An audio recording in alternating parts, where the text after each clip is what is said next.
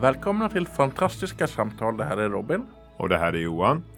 Och nu ska det här är för avsnitt eller vad man ska kalla till eh, ett ämne vi kommer nog prata om och det är The Last of Us. Precis. Och det är ett spel och nu en tv-serie på HBO.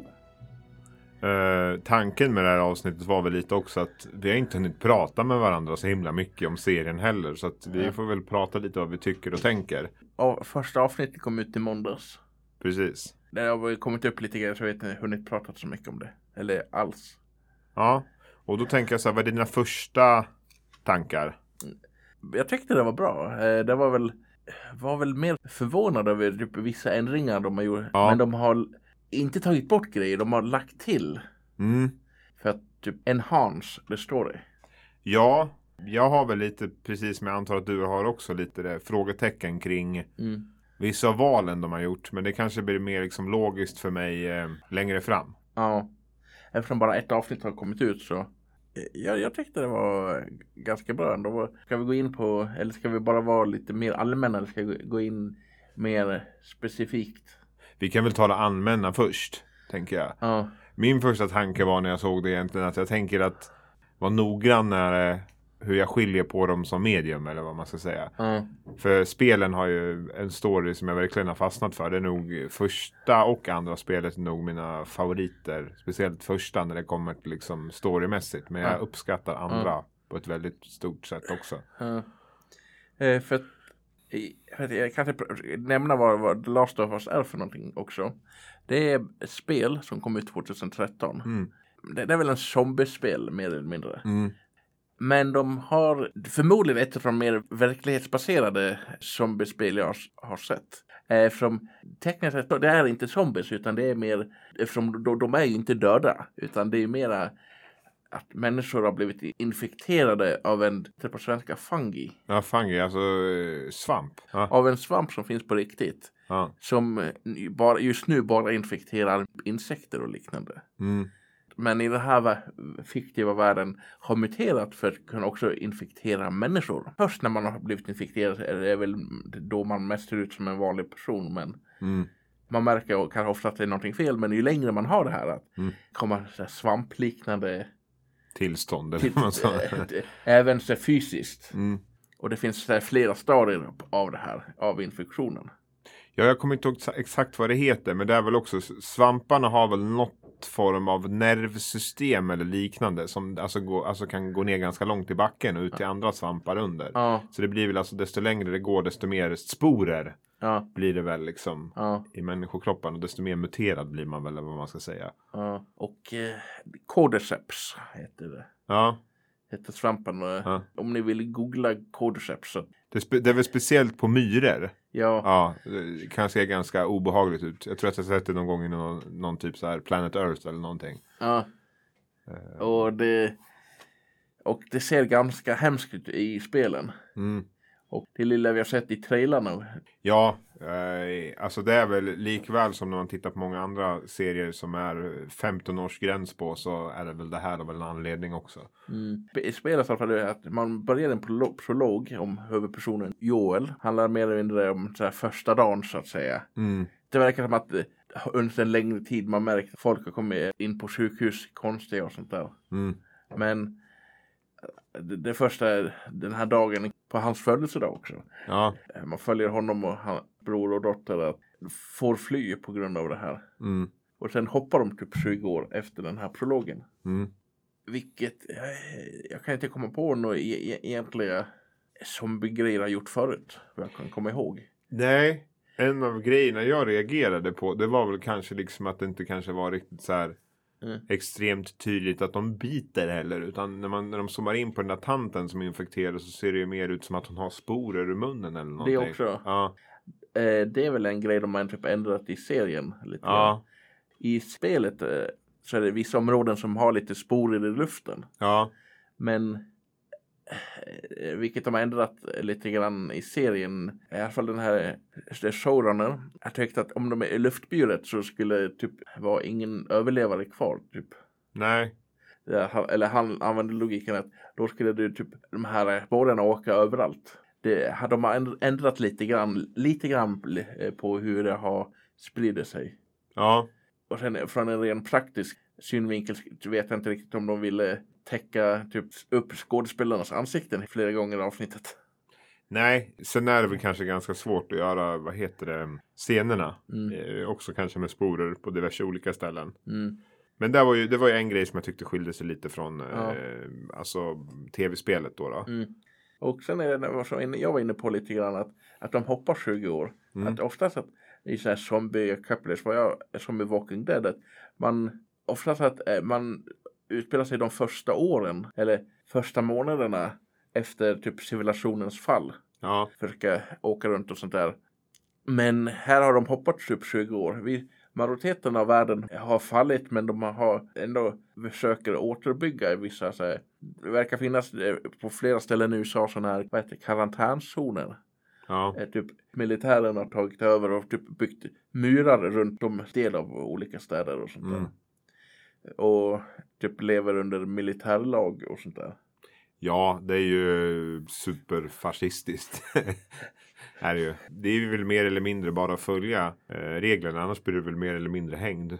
Ja, Ja. Samtidigt så sprider ju sig smittan så jävla snabbt så jag tänker väl att de är väl desperata. men eh, det, det, det stod väl på någon lapp att eh, för mig i första avsnittet hur snabbt beroende på var man, vart man blir biten. Ja, Typ här uppe i halsen typ 5-10 minuter. mm. Armar 5-10 timmar. ja, I benet typ 12 till 24 timmar. ja, Det är relativt snabbt ändå. ja, En grej sen de la till där jag tyckte efter hoppet ser man lite pojke komma in i Boston från skogen. Och här de tar in honom och sen eh, ser man han sitter fastbunden i en rullstol. De undersöker honom och upptäcker att han är infekterad. Och sen kvinnliga soldaten var försöker vara snäll att du ska få lite medicin. När det är över ska du få leka med leksaker och få mat och, och sånt där. Mm. Och Han bara, nickar och sen får, får han en spruta. Sen, förmodligen en dödlig injektion av något Ja, och nästa vi ser honom att uh, hans kropp blir bärd till en eld Ja, men alltså, hög typ- av en massa kroppar. Ja, men precis. Eh, och eh, tänkte efter den scenen, de ville väl, för att använda ditt favoritord, ge Fedra lite mer nyans.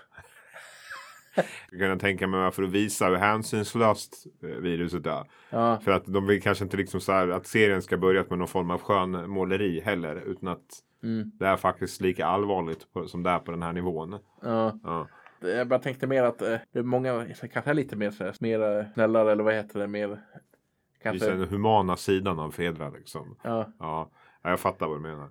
Och Fedra är väl den här eh, staten som har på USA. Ja, jag vet inte om det ska vara liksom, National Guard och liksom sånt här inkopplat i USA, liksom FEMA eller vad det heter. Den här Ja. katastrofinsättning, jag vet inte om det ska motsvara någonting där eller om bara namnet är, Ja. är liksom ett Jag kommer inte ihåg det för, för tillfället, men.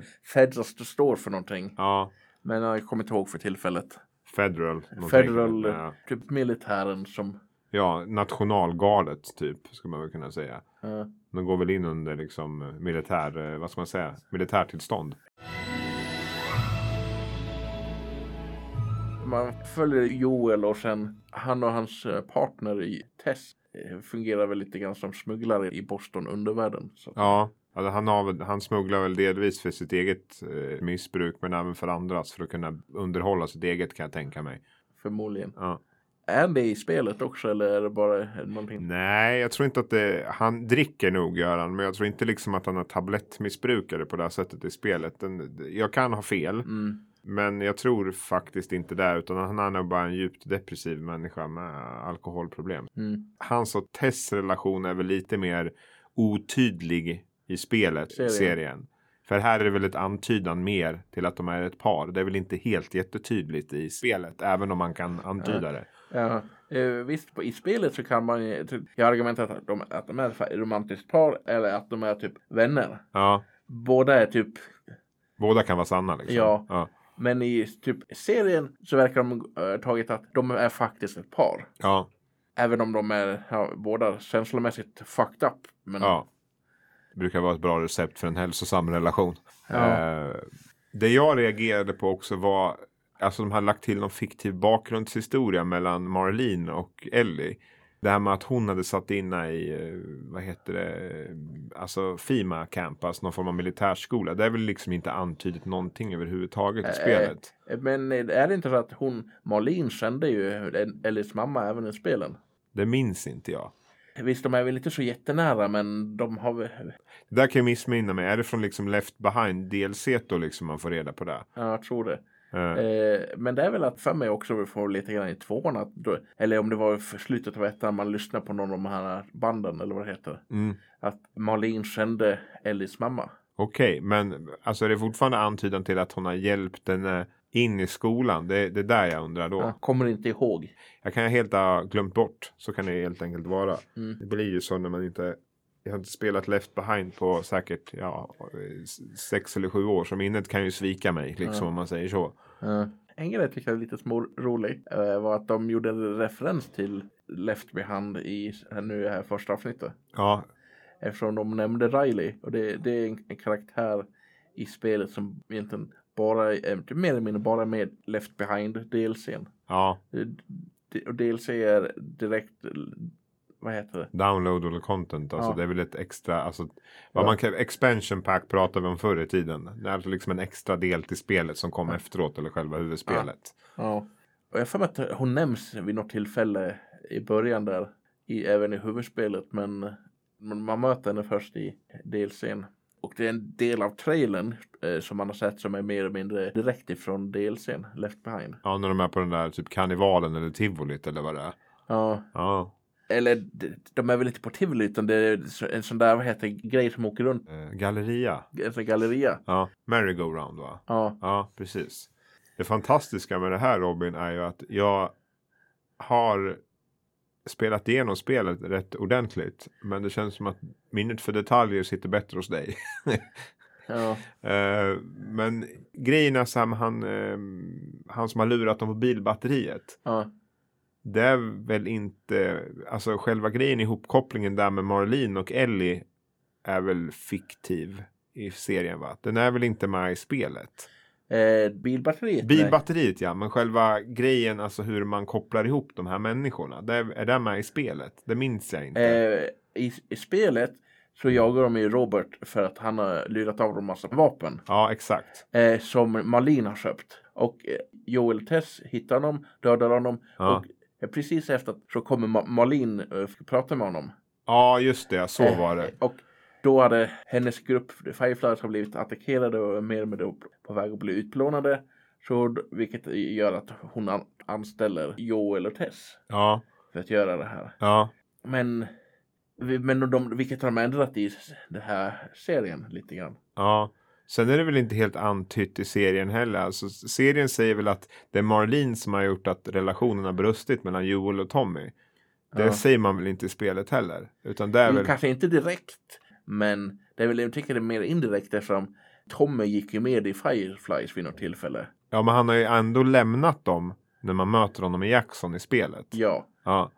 Så, Så- det är lite diffust för mig. det- de går inte riktigt in när det här hände, men det tillfälle under de här 20 åren, Tommy med Fireflies och sen lämna även dem. Men vi, vi får väl inte riktigt höra eh, Joels åsikt om Fireflies och sånt där riktigt. Eh, Jag tycker det är lite kul när Tess slänger sig Bostons Che Guevara. Då blev jag lite full i skratt om, om vad heter det, Marlene. Okej, på vilket sätt? Jag tyckte det bara var jävligt oväntat.